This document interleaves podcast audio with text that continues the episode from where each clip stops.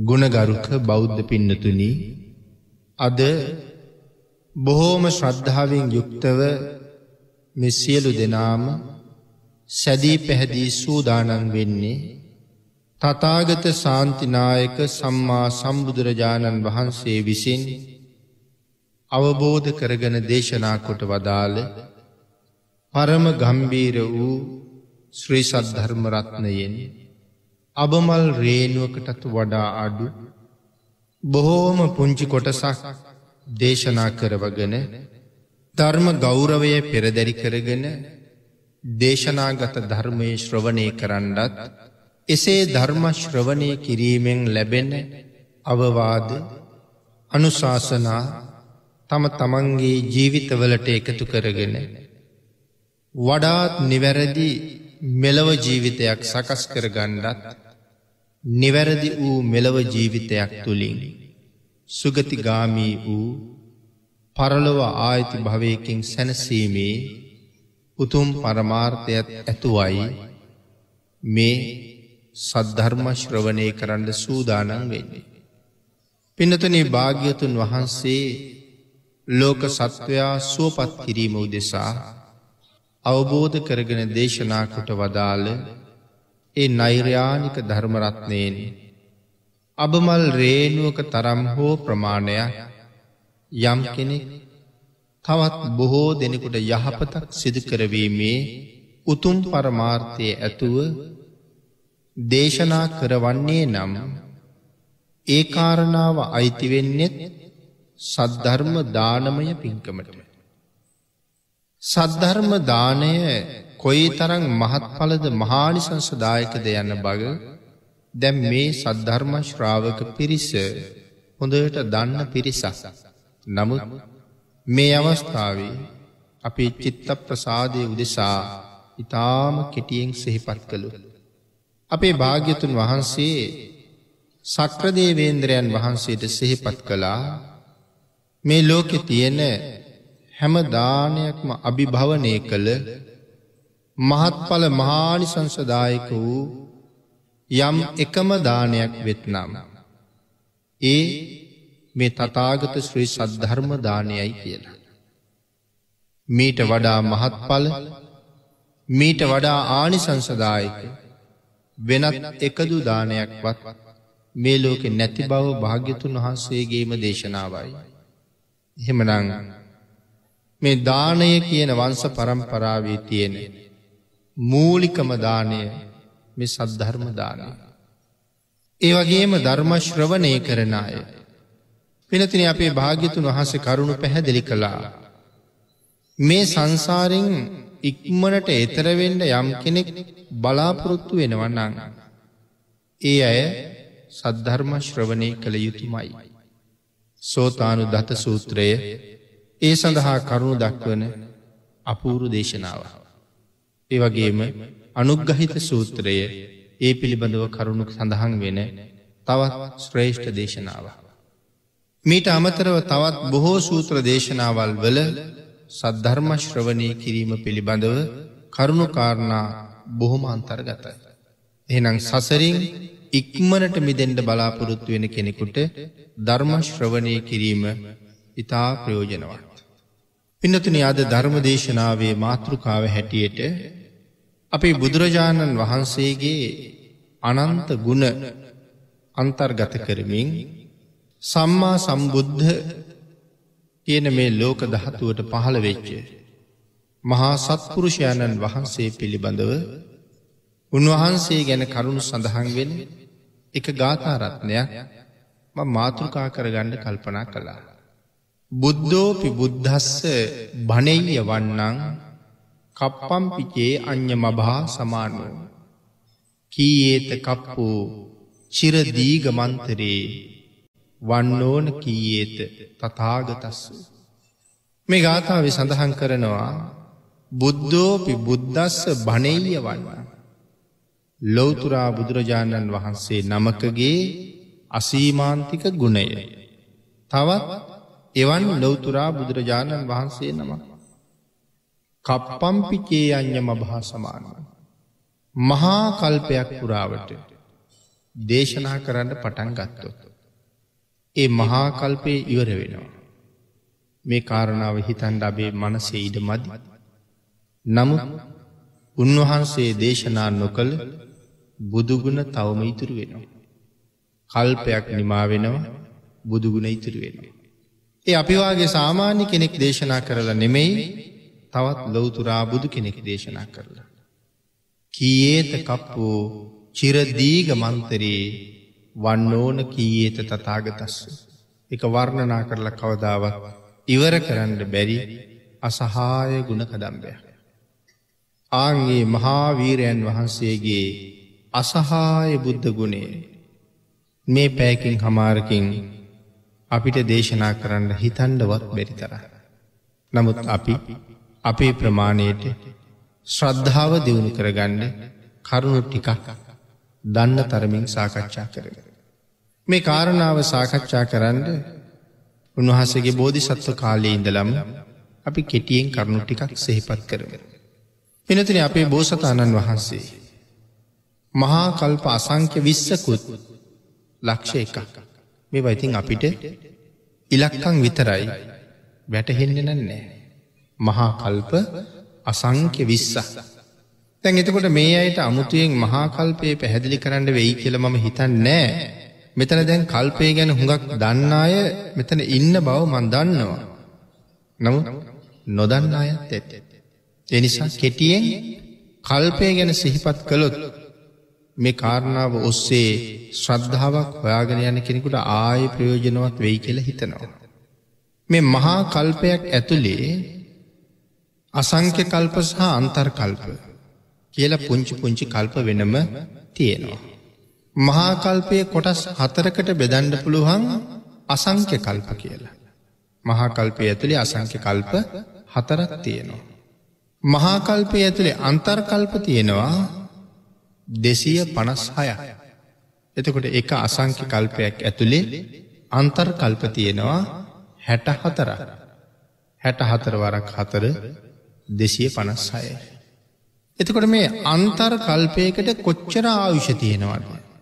කියන කාරණාව පැහැදිලි කරලා තියෙනවා අන්තර්කල්පයක් ඇතුළේ මනුස්ස වර්ෂය. ඒ කියන්නේ දවස්තුන්සිය හැට පාය. සාමාන්‍යයෙන් ධර්මය නම් එක ගණන් හදන්නේ දවස්තුන්සිය හැටෙන්. මොකද අපේ හැට පහ කියන එක සමහර අවුරදුවල හැට හතරක් වෙනවා. කලාතුරකින් හැට තුනක් වාගිත් වෙනවා. ඒවාගේ නිසා තුන්සිය හැටෙන් තමයි ධර්මය ගණන් හැදෙන්නේ මේ අවුරුද්ධ කියන කාරණාව. එතකොට එවන් මනුස්ස වර්ෂය අසංක්‍ය අසූ හයලක්ෂ හතලිස්දා. මේ අන්තර්කල්පය ඇතුළේ දවස් තුන්සිය හැටේ අපේ අවුරුදු තියෙනව කෙල සඳහන් කරනවා. එතකොට අසංක්‍ය කියල කීවේ එකයි බින්දු එකසිය හතලිහකින් ලියන ගාන අසංකය. අතීතය අය ගණන් කරපු ගණනක් මේක. අසංකයට ගණන් කරන හැටිත් ධර්මය අදත් පෙන්නලා තියෙනවා. එතොට අන්තර්කල්පය ඇතුළ තියෙන ආයු ප්‍රමාණය අප අයට මතකද අසංක්‍ය අසූ හය ලක්ෂ හතලිස්දාහ. එවන් අන්තර්කල්ප හැටහතරකින් අසංක්‍ය කල්පය පොහොසත් එවන් අසංක්‍ය කල්ප හතරකින් මහාකල්පය පොහොසත්. තවත් විදිහකට කීවොත් එවන් අන්තර්කල්ප හැට හතරකින් මහාකල්පයක් පොහොසත්. එතකොට එවන් මහාකල්ප අසංක්‍ය විස්සක්. ඒවාගේ මහාකල්ප අසංක්‍ය විස්ස. සහ තවත් ලක්ෂ එකක්. සම්මා සම්බුද්ධත්වය වෙනුවෙන් උන්වහන්සේ එන ගමම් මග. ඔය ගමන් මගේ මහාකල්ප අසංක්‍ය හතක් මනෝ ප්‍රනිධාන. මොනවදේ මනෝ ප්‍රනිධාන කියල කියන්නේ මම බුදු වෙනවා කියලා හිතේ විතරක් තියෙන කාලය. තවත් අසංක්‍ය නමය වාක් ප්‍රනිධාන. ඒ ඇන්නේ මමත් බුදු වෙනවා කියලා කටින් කටින් කියනවා බුදුවෙන්න උත්සාහධරනවා. ලෞතුරා බුදුරජාණන් වහසල මුණගැහෙනවා. මහරහතන් වහන්සේලා පසේ බුදුරජාණන් වහසල මුණගැහෙනවා. උන්වහන්සේලට කියනවා ඒ වෙනුවෙන් දම් පැන් දෙනවා මහා පරිත්‍යාග කරනවා එහෙම කරගෙන එන කාලයේ මහාකල්ප අසංක්‍ය නමය.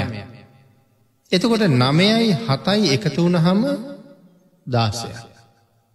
එතකොට මනෝප්‍රනිධානයටත් වාක්ප්‍රනිධානයටත් මහාකල්ප අසංක්‍ය දාසයක් ගෙවිල තියෙනවා. මනෝප්‍රනිධාන කාලී අසංක්‍ය හතක් කාලේ උන්වහන්සේට මුණ ගැහෙනවා ලොවතුරා බුදුරජාණන් වහන්සේලා. එක්ලක්ෂ විසි පන්දාහ. ලොවතුරා බුදුවරුම එක්ලක්ෂ විසි පන්දාහ. එතකොට මේ බුදුරජාණන් වහන්සේලා කොයි තරං කලාතුරකින්ද පහළවේ. එක්ලක්ෂ විසි පන්දාහක්. එක්ලක්ෂ විසි පන්දාහක් බුදු වෙලා පිරිනවම් පානවා. තාමත් හිතේ විතරයි තියෙන මාත් බුදු වෙනවා කියලා. කොහොම කාල පරිච්චය ඇද ඇද්ද කියන එක හිතන්ඩ ගියොත් අපි උම්මත්තක භාවයට පත්වෙන්ට පුළුවන්. එං පස්සේ ලොවතුරා බුදුරජාණන් වහන්සේලා තුන්ලක්ෂ අසූ හද්දාහ මුණ ගැහෙනවා වාක් ප්‍රනිධාන කාලා. උන්වහන්සේලා මුණ ගැහි ගැහි කියනවා මත් බුදු වෙනවා. එතකට මේ බුද්ධත්වය ලබනවා කියන කාරණාව මොන තරං අපහසුද දුර්ලබද කියන කාරණාව මේකෙන් අපි තේරුම් ගණ්ඩවනේ. මොන තරං වීර්යක් තියෙනවද මේ තරං බුද්ධ ශාසන පහු කර කර පහු කර කර පහු කර කරේද. සසරට බය නැතු මේ තරං බුදුරජාණන් වහන්සේල මුණ ගැහිලා. උන්වහන්සේලා ළඟ සසරින් මිදෙන් නැතුව පුළුවන් හැකියාවත් තියාගෙන සමහර කාලවලට නිරේටත් යන තවත් කාරවල් වල සතරාපායිකු හැරි උපදින එහෙමත් දුක්විඳමින් දුක්පිඳිමින් නමුත් මගේ පාරමිතාව සම්පූර්ණ කරනවා. ඇයි මේ තනියම සැනසෙන්ඩද වීරිය අනිත් අය සනසන්ට. අපිව සසරින් මුදවන්ට. මෙහෙම වීරියවන්තයෝ හැමතැනම හම්බ වෙනවද හරීම දුර්ලබයි. ආං ඒ හින්දා පුළුහන්නං එක් කෙනෙක් හරි මේ සංසාරෙන් එලියට ගෙනියන එක වටිනවා කියලා අපේ බුදුරජාණන් වහස දේශන කළා. හැබැයි කෙනෙක් හරි ගෙනියන්ට ලෑස්ති වෙනකොට අපේ නිවනටත් බාධා පැමිණෙනවා. ඒකට කමක් නෑ එක් කෙනෙක් හරි මේ ගෝර බිරං සංසාරෙන් එලියට ගණ්ඩ පුළුවන්න. මේ කරුණු හරියට වැටහෙනවනම්. සංසාරි කොයි තරම් භයානකද කියනක තේරෙනවා. ලෝක සත්වයාට බණපදයක්වත් දේශනා කරන්න නැතුව. රහතන් වහන්සේ නමක් පිරිනිවම් පානවනං. ආංගේ රහතන් වහන්සේට දොස් කියන ක්‍රමයක් අපේ ශාසනී තියෙන. රහත්තලා ඉන්නේ. නොත් ලෝකයට බණපදයක්වත් කියන්න නැත්තං. ලෝකයා සසරින් එතර කරන්න අවස්ථාවක් හදන්න නැත්තං ඒ රහතන් වහන්සේට දොස් කියල තියෙනවා දම්මං්්‍ය සූත්‍රී. ඒ කියන්නේ එක් කෙනෙක් හරි අරංජනයකමයි වටින්නේ. තැබැයි වීර්යවන්තයන්ගේ හැටිම එහෙමයි. තනිය මෙතරට යන්නෙම යන්නම නෑ. ඒකට උදාහරණ ඕන තරං සාකච්ඡා කරන්න පුළුවන්. පිනතින මෙතෙන්ට අපිට සම්බන්ධ කරන්න පුළුවන් තව අපේ රටේ හිටපු ශ්‍රේෂ්ඨ යෝධ පුරුෂයේ. ඒ තමයි තේරපුත් හබයවාගේ අය. උන්වහන්සේත් තනියම සංසාරයෙන් එතරයන්ට හදපු වෙලාවේ. තවත් යෝධයෙක් ගෝට හිම්බ. මතක් කලා ස්වාමීනී ඔබවහන්සේ තනියම එතර යනවට වඩා තවත් බොහෝ දෙනට යහපතක් කරලා තිල එතර යනක හොඳ නැද්ද කියලා. ගද සිවුරු ඇරල්ලා යුද්ධට යන්ඩ එන්න කියපු වෙලාවේ සඳහන් කලා මම එන්නෑ මමත් යුද්ධකට තමයි සූදානම මට යුද්ධයක් තියාගෙන තවත් යුද්ධයක් කරන්න විදිහක් නෑ. හැබැයි උන්වහසගේ යුද්ධේ කෙලෙස් යුද්ධනේ ඒක උන්වහස තනිය මෙතර යන්නන. ගෝටයිම්බර මතක් කරලා දෙනවා. ඔබහන්ස තනිය මෙතර යනවට වඩා මේ සම්බුද්ධ ශාසනයේ බේරල තිබුණොත් කී දෙනෙකුට යහපතක් හම්බ වෙනවාද. කී දෙනෙක් එතරයයි. ආංගේ යහපත කරලා තියලා ඉදර යන්න කියලා. ඒ වෙලා තමයි සිවුරු ඇරල යුද්ධට අවතීරණුණේ. ඉති මේ මහබෝසතාණන් වහන්සේලා මොන තරං වීර්ය වඩනවාද මොන තරං කරුණාවක් තියෙනවද මේ තරං බුදුවරු පහු කරගෙන පහු කරගෙන අපි කෙරෙහි අනුකම්පාවෙන්ගෙන්ට එහෙමනං මනෝ ප්‍රනිධාන කාලේ තුන් ලක්ෂ අසූ හද්දාහ. එතකොට මේ තුන් ලක්ෂ අසූ හද්දාහයි එක්ලක්ෂ විසි පන්දාහයි එකතු වෙච්ච හම පන්ලක්ෂ දොළොස්දාහ. ද මහාකල්ප අසංක්‍ය විස්සෙන් දාසයක් ගෙවිල ඉවර. තව තියෙනවා හතර. අං ඒ හතර කාලය තුළ තමයි කාය වාක් මනුවන්. ත්‍රවිධ ප්‍රනිධානය සම්පූර්ණ කරන කාලය මහාකල්ප අසංක්‍ය හතරයි ලක්ෂය එකක්. අපි ඕක කෙටියෙන් සඳහන් කරනවා සාරා සංඛ්‍ය කල්ප ලක්ෂය කියලා. එතකොටේ සාරා සංඛ්‍ය කල්ප ලක්ෂය කියන ඇතුළේ මහාකල්ප අසංක්‍ය හතරකුත් තව ලක්ෂ එකක් වෙනම තිය. ත්‍රවිධ ප්‍රනිධාන. මේ කාලේ මුණගැහෙන බුදුරජාණන් වහන්සේලාගේ ප්‍රමාණය විසි හත් නම. එයින් බුදුරජාණන් වහන්සේලා විසි හතර නමකගින් අපේ බුදුරජාණන් වහන්සේට නියත විවරණ හම්බ වෙනවා. බුදුරජාණන් වහන්සේලා කොට්ටාස තුනක් පිළිබඳව සඳහන් කරනවා. ප්‍රඥ්ඥාධික ශ්‍රද්ධාධික වීර්යාධික.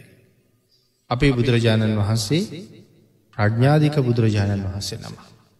ආං ඒ නිසා මේ කර්තව්‍ය මහාකල් පාසංක්‍ය හතරකින් සම්පූර්ණ කරනවා.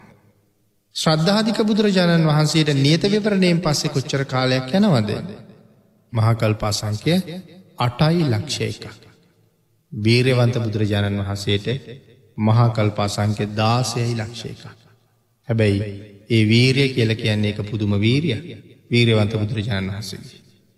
සඳහන් කරනවා උන්වහන්සේ මොනතරං වීර්යවන්තද උන්වහන්සේ මහාකල් පාසංක්‍ය දාසයකින් කරන්න සූදානන් වෙන දේ ප්‍රඥ්ඥාවන්ත බුදුරජාණන් වහන්සේ මහාකල් පාසංක්‍ය හතරකින් කරන්නේ කොහොමද.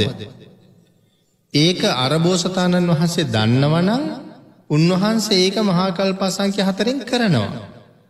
ඒ තරම් වීරයක් තියෙනවා. එනම් ප්‍රඥ්ඥාධික බෝසතාණන් වහන්සේ නම මේ කර්තව්‍ය කරන්නේ කොහොමද කියන කාරණාව වීර්ය අධික බෝසතාණන් වහන්සේට හිතාගණ්ඩුවත් බෑ කියලා ධර්මය සඳහන් කර.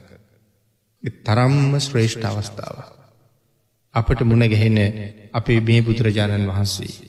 ගෞතම සම්මා සම්බුදුරජාණන් වහන්සේ එවන් උදාර ප්‍රඥාවන්ත සත්පුරුෂයණන් වහන්සේ නම.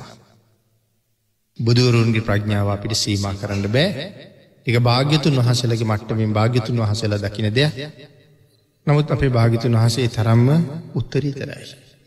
එතකොට මේ සාර අසංක්‍ය කල්ප ලක්ෂ හතර ගෙවන කාලි ලොවතුරා බුදුරජාණන් වහසල විසි හත් නමක් උන්වහසට මුණගහෙන. අපේ බෝසතාණන් වහන්සේ මේ කාලේ දෙව්ලවින් මනුලවට වැඩලා. බොහෝම ඉසුරුමත් පවුලක දරුවෙක් වෙලා ඉපදෙනවා. ඒ කාලේ මේ දරුවට නම තියෙනවා සුමේද කියලා. පස්සෙ කාලි ගිහිගිය ඇතැහැරල දාලා යන ඇයි සුමේද කෙල කෙන්නේ ප්‍රඥාවන්තයට නම. අම්ම තාත්ත මරණයට පත් වනාට පස්සේ ගබඩා භාරකාරවරු ඊළඟට මේ පෙළපතේ ප්‍රධානය වෙන්න මෙ තරුණ පුතා අඩගහගෙන ගෙල්ල පෙන්න නො මේ ඔබට අයිති දනස්කන්දයයි මේ තිය මේ සියල්ලම දැන් ඔබේ කොච්චර පිරිසක් හම්බ කරපු දන්නේ එදමේ. හත්මුතු පරම්පරාවක දනස්කන්දේ. ඒවෙල ඇහුවා. ඇයි මේ ධනය හම්බ කරපු අය ගෙනනිච්ච නැත කියලා. නෑස්වාමී. දැම් මේ ඔක්කොම අයිති ඔබහන්සේට.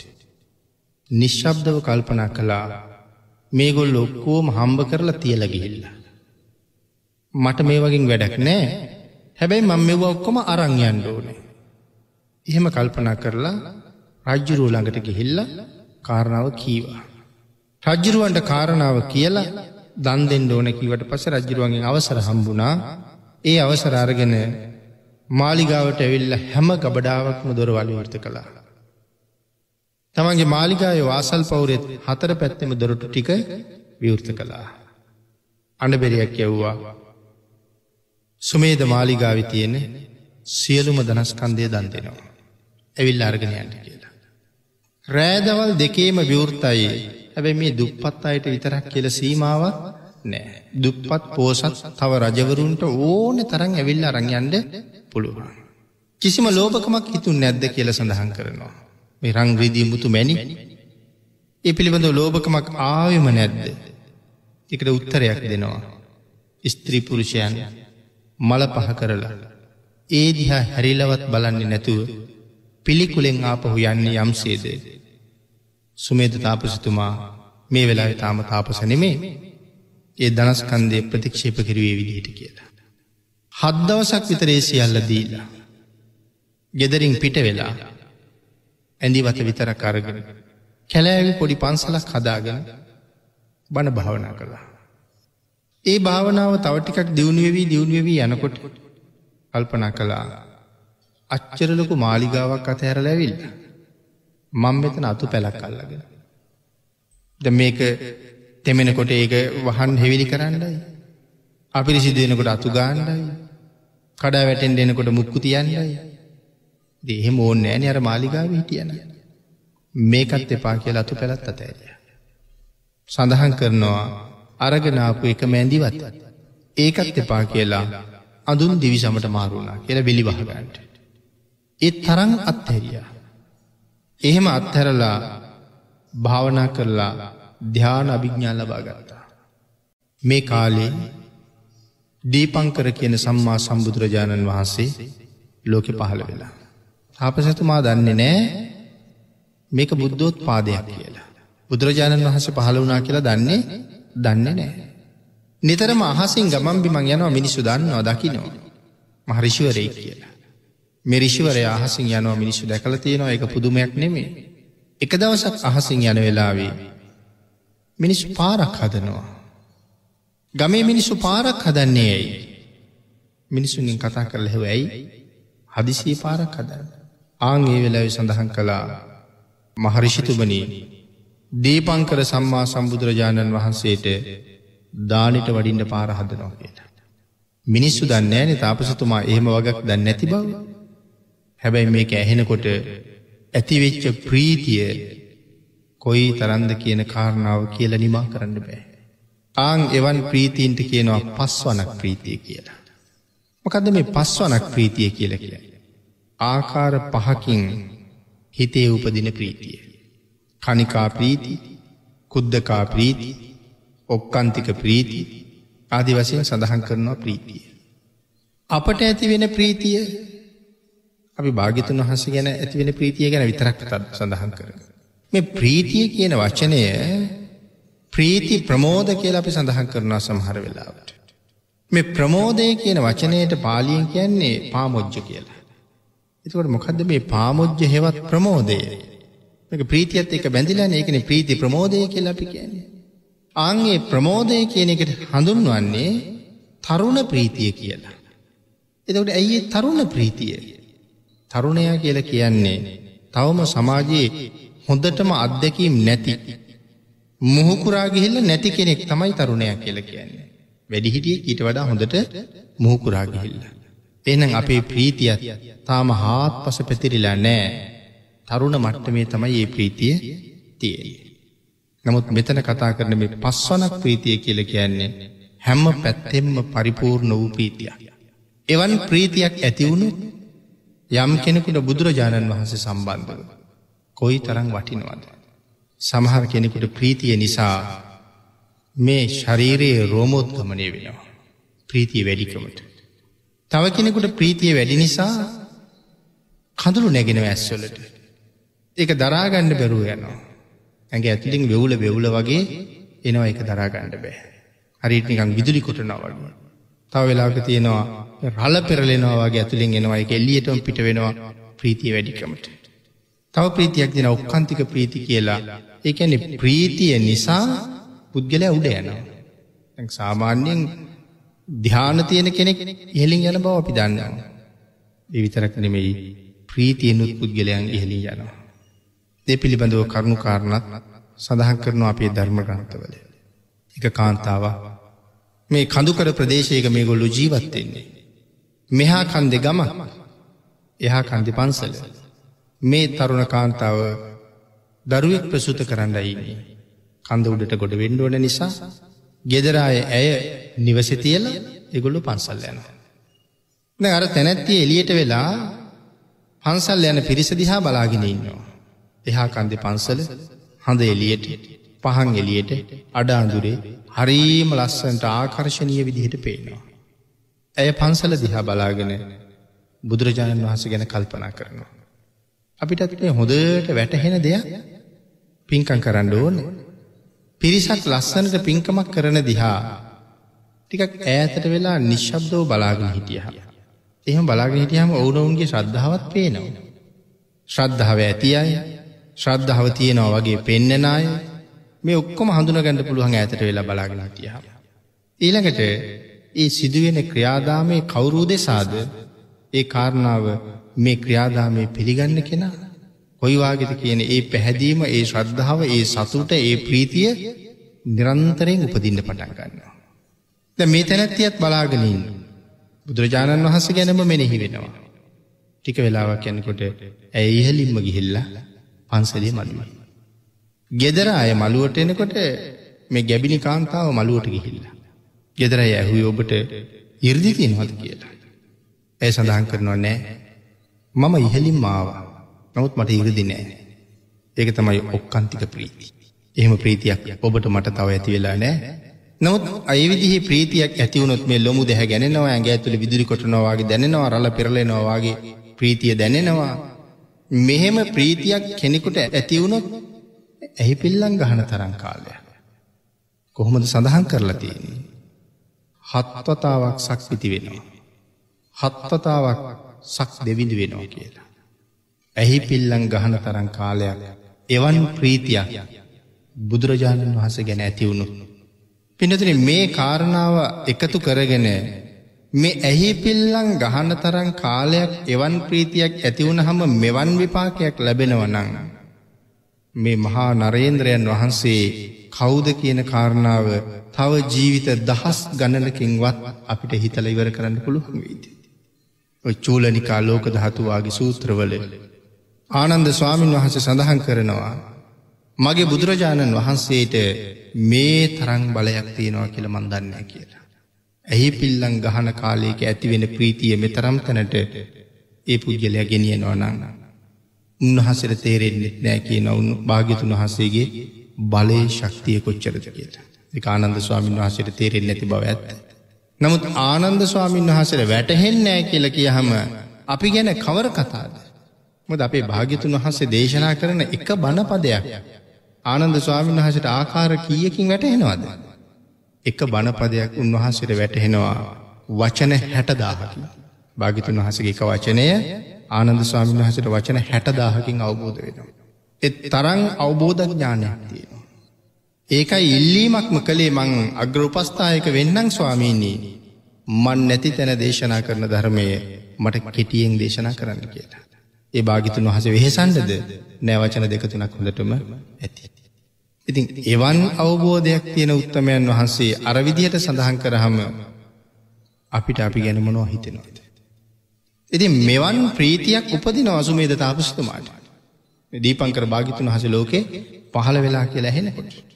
කවුරුවත් තර්කයක් නගයිද සුමේද තාපසතුමාට එච්චර හැකියාවල් තිබුණන. බෝධි සත්වයෙක් මවකුසර වඩිනකොටත් නිමිති තිස් දෙකක් පහළ වෙනවා කියල සඳහන් කරලා තියෙන. ඉපදෙනකොටත් නිමිති තිස් දෙකක් පහළ වෙනවා කියල සඳහන් කරලා තියෙනවා. ලෝතුරා බුදු වෙනකොටත් නිමිති තිස් දෙකක් පහළ වෙනවා. එවිතරක් නෙමෙයි දම්සක් දෙසනකොටත් නිමිති තිස් දෙකක් පහළ වෙනවා. දැන් එතකොට මේ කාරණා දීපංකර භාගිතුන් වහන්සේ සතුව සිදුවෙනකොට මේ සුමේද තාපසිතුමා ජීවතුන් අතර හිටිය නැද්ද කියලා. සමහර කෙනෙක් ප්‍රශ්නයක් නගණ්ඩ පුළුවන් ඒකට අපූරු උත්තරයක් අටුවා විදීල තියෙනවා. බෝසතාණන් වහන්සේ මෞකුසට වඩින කොටත් සුමේද තාපසිතුමා සමාපත්තියට සමවැදිලා. උන්වහන්සේ මෞකුසෙන් බිහිවෙන කොටත් බෝසතාණන් වහන්සේ සමාපත්තියට සම්වැදිලා. උන්වහන්සේ බුද්ධත්වය ලබන කොට උන්වහන්සේ දම්සක් දෙසන කොට සුමේද තාපසතුමා සමාධියට සමවැදිල හිටපු නිසා මෙ නිමිති පහළ වෙනවා දැක්කේ දැක්කෙ නෑ කියලා. එතරං සමාපත්තියක් උන්වහසට තිබුණ. ඉතින් ඒ නිසා භාගිතුන් වහස පහළ වනා කියලා දන්නේ එතකොට. ආං ඒ නිසා ඇතිවෙච්ච ප්‍රීතියට මේ පාරිටිකක් හදන් ඉල්ල ගත්තා. මේසු කල්පනා කලා උන්වහසට ඉරදි තියෙනවනේ තිබුණ ගොඩ කරන්න බැරි මඩවලක් මේක ගොඩ කර ගණඩ තියෙන හොඳ මවස්ථාව උන්වහසගේ හැකියාව. උන්වහසර ඒක තම පැවරුවේ. හැබැයි බෝසතණන් වහස මිනිස්සුන්ට වඩා පින්කන් ගැන හොඳට දන්න නිසා කල්පනා කළා. මේක ඉර්දියෙන් ගොඩ කරනවා කියන එක මට වටින්නේ නෑ. නැත්තං සුමේද තාපසතුමාට මඩවල පස්වලින් නෙමේ රංවලින් නං රංවලින් පුරුවන්ඩත් පුළුවන්. රිදියෙන් නං රිදියෙන් පුරුවන්ඩත් පුළුවන්. මැනික්වලින් නම් මැනික්වලිම පුරුවන්ඩත් පුළුවන්. කල්පනා කළේ එකක්වත් මට තරම් නෑ. මගේ කායික ශක්තියමය දෙන්නඩෝන. ආංගේ හින්දා සමහරවිට කවදාවත් උදල්ලක් කූඩයක් අල්ලලා තිබිච්චි නැති අදක අච්චර සැප සහිත මාලිගාවගේ තියන උදළුවත ගැවිනෑන අද වැඩ කරන්න පටන් ගන්නවා. බොහෝම ශ්‍රද්ධාවෙන් මඩවල් පුරෝපුරෝ ඉන්නකොට තමයි බුදුරජාණන් වහන්සේ වඩි. ඉතින් භාගිතන් වහස වඩිනකොට සිදුවෙන අසිරිය කොයි තරන්ද කියන කාරණාව ලක්කන සූත්‍රය වෙනම වෙනම පැහැදිලි කරලා තියෙන. තරං කරුණු ගොුණු කරලා සාකච්ඡා කරන්න අති දීර්ඝ කාලයක් ඕන වෙනවා. කෙටියෙන් කීවොත් මේ මහපොළොවේ උස්තැන් හැම එකක්ම මිටි වෙලා මිටි තැන් හැම එකක්ම ඉස්සෙනෝ කෙල සඳහන් කරනවා. ඒ ඇන බලවල් ගොඩවල්මකුවත් පාරිතියෙන්නේ පාරිතියෙන්නේ නෑ. ගහක අත්තක් තිබුණොත් පාත එක් ඔයතනින් පොලෝ පාත්වෙනවා එහෙම නැත්තං ගහයිහල යන. කවදාවත් කිසිමම හේතුවක් නිසා ලෝතුරා බුදු කෙනෙක් එක දසම මාත්‍රයක්වත් හිස නමන්නේ හිස නමන්නේ නෑ. දෙනිසා එක්ක පොලෝ පාත්වෙනවා නැත්තං අත්ත ඉහල යනවා. වැස්සවලාහක දෙවීම. පාරට පොඩි සිරි පොදක් මල් වැස්ස භාගිතුන් වහස වඩින්න මොහොතකට කලින් බිමට හෙලෙනවා. ඒ වැස්සෙන් පස්සේ සුළඟට අධිපති වාත වලාහක දෙවියෝ පාරිතියන කොළරුඩුවක් කෝම අයින් කරලදානවා. දූවිලි නොනැගෙන්ඩයි පැහිපද වැටුවෙන. ඊළඟට රුල්ටි කොක්කෝම පාරි අයිමෙනවා. මේ වඩින මාර්ගයේ සිද්ධ වෙන අසිරිය. එකන්නේ ස්වභාව ධර්මය සලකන සලකන තරම. ඇති මේ ස්වභාව ධර්මය ගුණපුරණ උතුමන්ට මෙච්චර සලකනවා කියන කාරණාව හොයා ගත්තෙත්. ගුණ නැති අයට මේ තරං ස්වභාව ධර්මය අකාරුණිකයි කියන කාරණාව හොයා ගත්තෙත්. බුදුරජාණන් වහන්සේමයි. කෙටියෙන්ම කීවොත් සම්මා සම්බුද්ධ දේශනාව කියල කියන්නේ හැබැවිම්ම ස්වභාව ධර්මය. එක භාගතුන් වහන්සේම පැහැදිලි කරන. ඒ ස්වභාව ධර්මය. ඒ ස්වභාව ධර්මයා ක්‍රියාත්මක වෙන හැටි තමයි ලෝක සත්වයට තේරුම් ගන්න බැරි. බෝසත්වරු සම්මා සම්බුදුවරු ඒ අවබෝධ කරලා ලෝක සත්වයට කියල දෙන්න. ඔබටත් මටත් ධර්මය හැටියට කියලා දීල තියෙන්නේ ඒකයි. අපි යම් වැරද්දක් කරනවන අපිට මේ ලෝක වශයෙන් හම්බෙන දඩුවමකුත් තියෙනවා. නමුත් එක මේ ලෝක වශයෙන් ඉවරනෑනේ අපිට ආයතනක ඒකට දඩුවම් විඳින්න සිද්ධ වෙනවා හැබැයි මේ ලෝකෙ දඩුවම ලිහිල් කරන්න ඕන කෙනෙකුට පුළුහුණු. කෙනෙක් අවුරදු ගාන කවුරද විස්සක් විතර අපිම හිරේ වැටුණ කියලා. සමහල්ලාට නිදහස් උත්සව දවසක. එහෙම නැත්තං අලුත් රාජ්‍යනායකෙක් පත් වනහම ආදි වශයෙන් මේ හිරගත වෙලාවාගින්න අයට සමහරලාට විස්සේ කට්ටියට දහයක් විතර සමාකාලයක් එක නිදහස හම්බවෙනවා. එහෙම තීරණය කරනවා. හැබැයි ස්වභාව ධර්මය පුදුමාකාරවේශකාරය. අපිට අල්ලස් දෙන්නත් බෑ වෙනත් ඉල්ලීම් කරන්නත් බෑ බේරෙන ක්‍රම හොයන්ඩත් බෑ එකම විනිශ්්‍යකාරයා ස්වභාව ධර්මයයි කරපු වැරද්දමකක්ද ඒකට දෙන්න පුළුවන් සුදුසුම දඩුවම හම්බ වෙනවා. එනිසා සතරාපාය ස්වභාව ධර්මයාගේම නිර්මාණය. ඒ අපිට දඩුවන් දෙන්න හදපු හදපුතැයි. ආං ඒ දේවල් වෙන්න කොහොමද මේ සියලු දේවල් අධ්‍යයනය කරලා මේ ස්වභාව ධර්මයාගේ වැඩක් කියන කාරණාව පවා අපිට කියල දුන්නේ බුදුරජාණන් වහන්සේ. සුමේද තාපසතුමා මඩවලගොඩ කරනවා. ටික වෙලාවක් යැනකට මිනිස්සු සාදු කියනවා. එති මේ වඩිනකොට පුදුමාකාර අසිරියක් තව තියෙනවා. ගොද සඳහන් කරනවා මිනිස්සුන්ගේ අතේ පැළඳගෙන තියෙන වලන හඬ නගනවා කිය මේ පැත්තර වඩිනකොට මිනිස්සු දැනගන්න.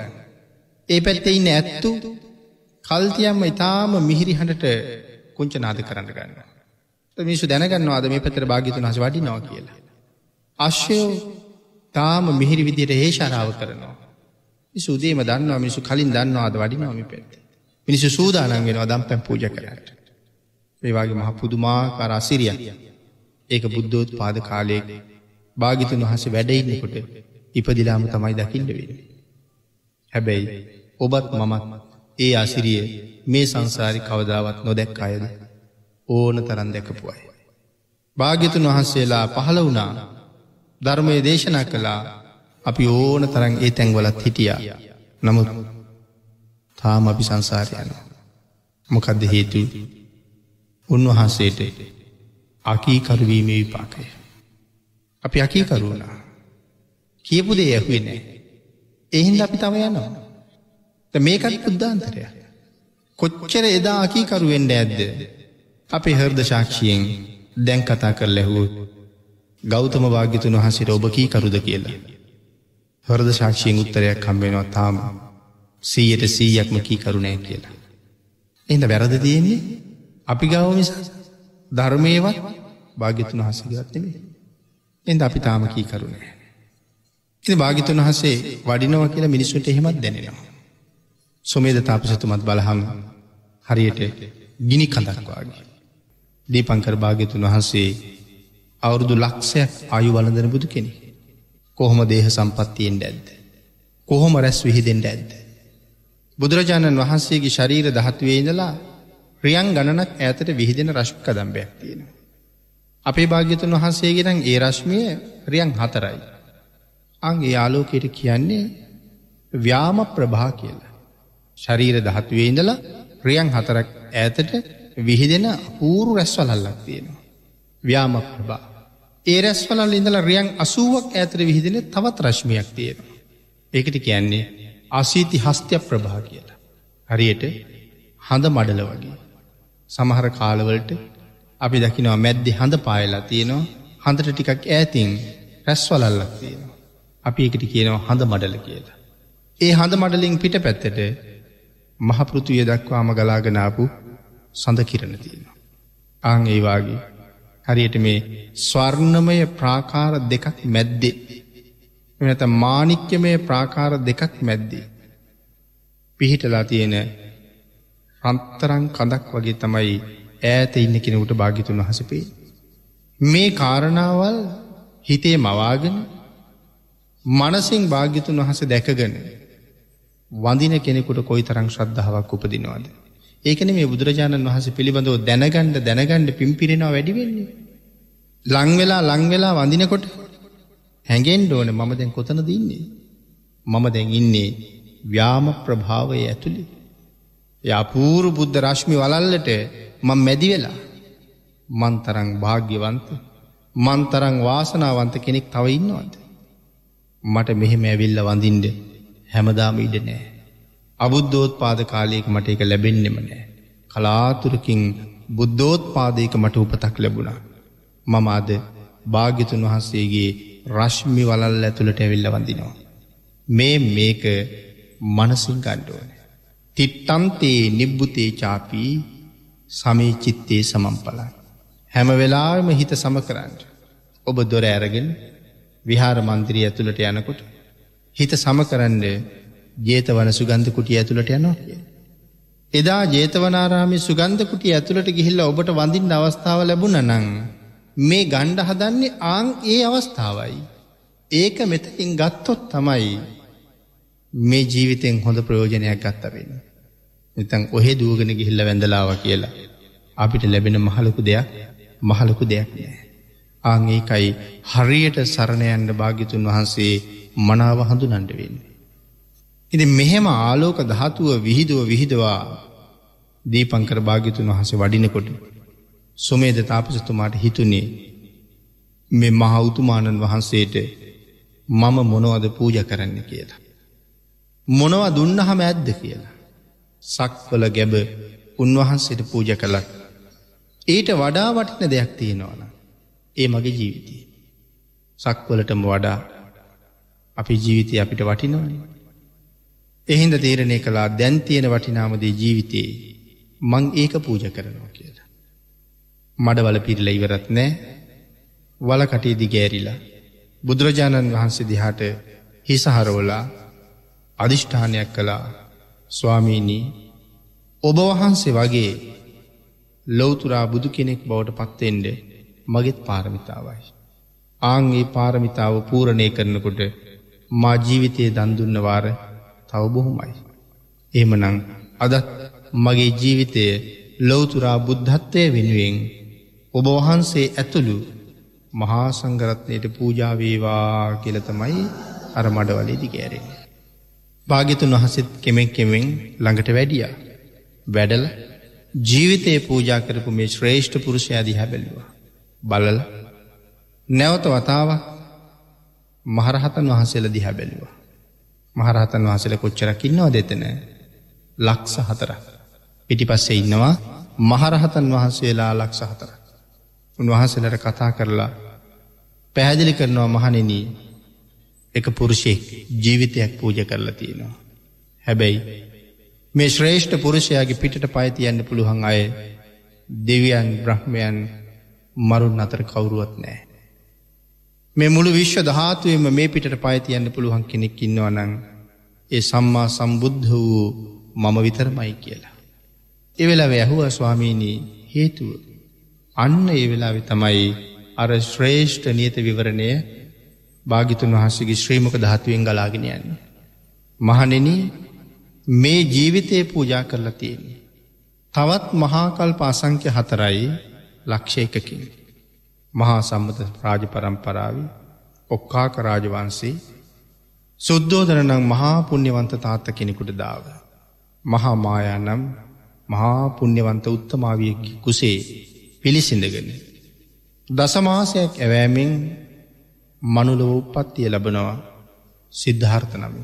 අවුරදු විසි නමයක කාම බෝගී ජීවිතයක් ගෙවල අවුරදු විසි නමයෙන් ගිහි ගෙදර අභිනිෂ්ක්‍රමණය කරලා අවුරුදු හයක් දුෂ්කරක්‍රියා කරලා අවුරුදු තිස් පහෙන් ගෞතම සම්මා සම්බුද්ධ නමින් ලොවතුරා බුද්ධ රාජ්‍ය ලබාගෙන මෙ මුළු විශ්ව ධාතුවම සනසන මහාවීරවරයෙක් තමයි මේ ජීවිතය පූජ කරලතේ.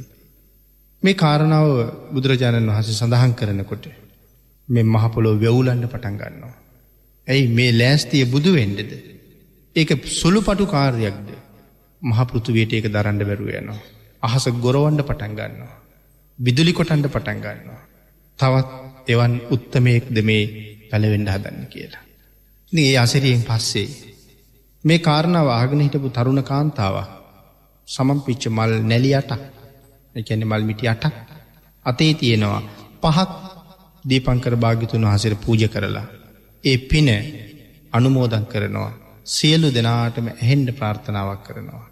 ස්වාමීණි භාග්‍යතුන් වහන්සේ මේ සුවද සමන් මල් ඔබ වහන්සේට පූජා කරපු පිණින්. ඔබ වහන්සේ මොහොතකට කලින් නියත විවරණ දෙවා වදාළ මේ මහා පුරුෂයන්නන්ට සම්මා සම්බුද්ධ රාජ්‍ය මුදුම් පත්වේවා කියලා ආශිර්වාද කළා. ඉතුරු මල්මිටි තුන බුදුරජාණන් වහන්සේට පූජා කරලා. ස්වාමීණී මේ මල් ඔබවහන්සේට පූජා කරපු පිණේ. මේ මහාපුරුෂා ලෞතුරා බුද්ධත්වය ලබන අන්තිමාත්ම භාවීත් ඔහුගේ අග්‍රමහේෂිකාව බවට පත්තෙන්ඩ. මේ මල්මිටි තුන පූජා කිරීමේ කුසලය මට පාරමී වේවා කියල ප්‍රාර්ථනා කළා. ඒ එදා සුමිත් අනම් තරුණයක් මෙදා යසෝදරාදීවින් වහන්සේමයි. ඒ ලැබිච්ච මල්ටික භාගිතුන් වහසේ කොයි තරන්නේ හිතමානීද. තුන් වතාවක් අර වලවටේ දක්ෂිනාවර්තව ප්‍රදක්ෂිනා කරමිය. මේ මල් සුමේද තාපසතුමාගේඟට ඉස්සා. මල්මිටි අටමට. උන්වහසේ දාන ශලාවට වැඩම කළා හැම මහරහතන් වහන්සේ නමක්ම සුමේද තාපසිතුමාට මල් පූජ කළා. එතකොට රහතන් වහසේලා ලක්ෂ හතර. එක නමක් එක මලක් පූජ කලා නං මල් ලක්ෂ හතරකින් සුමේද තාපසිතුමායට යන්න. රහතන් වහසල විතරක් මල් පූජ කලා නෙමේ දිව්‍ය බ්‍රහ්මියෝ පවා මල් පූජ කළා. අහසින් මල් වැහි වැැක්කෙරෙන්ට පටන්ගන්න. ඇයි මේ ලෝතුරා බුද්ධත්වයට නියත විවරණ හම්බ වෙනවා කියන එක කොයි තරන්ද කියන කාරණාව අපි මුලින් සාකච්ඡා කරපු කරුණුත් එක්ක කල්පනා කරන්න ඕනේ. ඉති මේක මේ විශ්ව ධාතුවට දරන්න බැරි තව මොහොතක්. භාගිතන් වහසේ ඇතුළු මහරහතන් වහසල වැඩියට පස්සේ සුමේද තාපසිතුමා කල්පනා කරනවා බුදුවරුන්ගේ කවදාවත් වචන දෙකක් නෑ. එනිසා දේශනාවක් කලානං මට බුදු බව ලැබෙනවා කියලා ඒ එසේම තමයි. උන්වහන්සේ අර මල් ගොඩ උඩ ඉඳගෙන කල්පනා කළා පෙර බෝසත්වරු නියත විවරණයෙන් පස්සේ සම්මා සම්බුද්ධත්වය උදෙ සාමනව කලාද කියලා. සිව් දිසාවුම් බැලුවා තමන්ගේ ඥානයට වැටහෙහිද මොනව කලාද කියලා වැටහුන්නේ. ආංගේ වෙලාවෙ තමන්ගේ ඥානයෙන් තමන්ගේ මනසමාවර්ජනය කරන්න පටන් ගත්තා. මොකක් කරන්න ඇද්ද කියල. එතකොට තමයි වැටහුණේ පාරමිතා දහයක් ආකාර තිහකින් පූරණය කරන්න ඕන කියලා. දාන පාරමී දාන උපපාරමී දාන පරමත්ත පාරමී. සීල පාරමී සීල උපපාරමී සීල පරමත්ත පාරමී. මේ ආදි වශයෙන් එකක් තුනගානේ දහයක් සම්පූර්ණ කරනකොට ආකාර තිහක් බවට පත්වෙනවා. ඒකට අපි කියනවා සමත්‍රිංසත් පාරමිතා කියලා. පළවෙනි එක කුඩයි දෙවනි එක ටිකක් ලොකුයි තුන්වෙනි එක ඊටත් ලොකුයි. මොකද නැතන් උප කියපු ගමම් අපිට හිතෙන්නේ පොඩි කියලා. ඒ සිංහලේ තමයි උප කියන්නේ දෙවනිය. නමුත් පාලියේ උප කියන්නේ පළවිනියට වඩාල්ලොකු. දන් දෙනව කියලකෙන් තමන් හොයාගත්ත වස්තුූ දෙනවට. එතකොට උපපාරමිතාවට එනකොට අවයාව පවා දෙන්න පුළුවන්. පරමත්ත පාරමිතාවට එනකොට ජීවිතෙත් දෙන්න පුළුවන්. උඩට උඩට යනකොට ලොකු වෙන ක්‍රමයක් මෙතනතිී. එහෙම පාරමිතා තිහක් සම්පූර්ණ කරන්න ඕන කියල දකිනවා. නැවත වතාවක් අධිෂ්ඨාන කලා මම මේ සමතරින්සත් පාරමිතාවම පූරණය කරනවා කියලා. ආංගේ අධිෂ්ඨානයත් එක්කම සඳහන් කරනවා මෙ මහපොලෝ හරිට රතරෝධයක් වගේ කැරකුණා කියලා. හඹ ගම්නුවර මිනිස්සුන්ට එක දරාගණ්ඩවත් හිතාගණ්ඩවත් බැරිවුණා මිනිස්සු මහා බීතියට පත් වනා එක අවුඩ එක අයද වැටුණා හානි වෙන්න නෑ එහෙම වුණාට. මිනිසු කල්පනා කෙරවා දෙවියෝ කෝප වෙලාවත්ම හදිස්සී. බුදුරජාණන් වහන්ස ළඟට පේලියට ගිහිල්ල මිනිස් වහනවා වැඳගෙන ස්වාමීණ යයිමේ ආංගේ වෙලාව සඳහන් කලා නෑ දෙවියන්ගේ කෝපයක් නෙමෙයි. රටට අභාගියකුත් නෙමෙයි අහවල් තැන මඩවලේ මල් ගොඩ උඩ ඉඳගෙන සුමේද තාපසතුමා ලොවතුරා බුද්ධ රාජ්‍ය වෙනුවෙන් පාරමිතා අධිෂ්ඨාන කරනවා. අංඒක විශ්වයට දරන්ඩ බැරි බවයි කියා පාන්න කිය. මිනිස්සු එතන හිඳල සාධකය කියා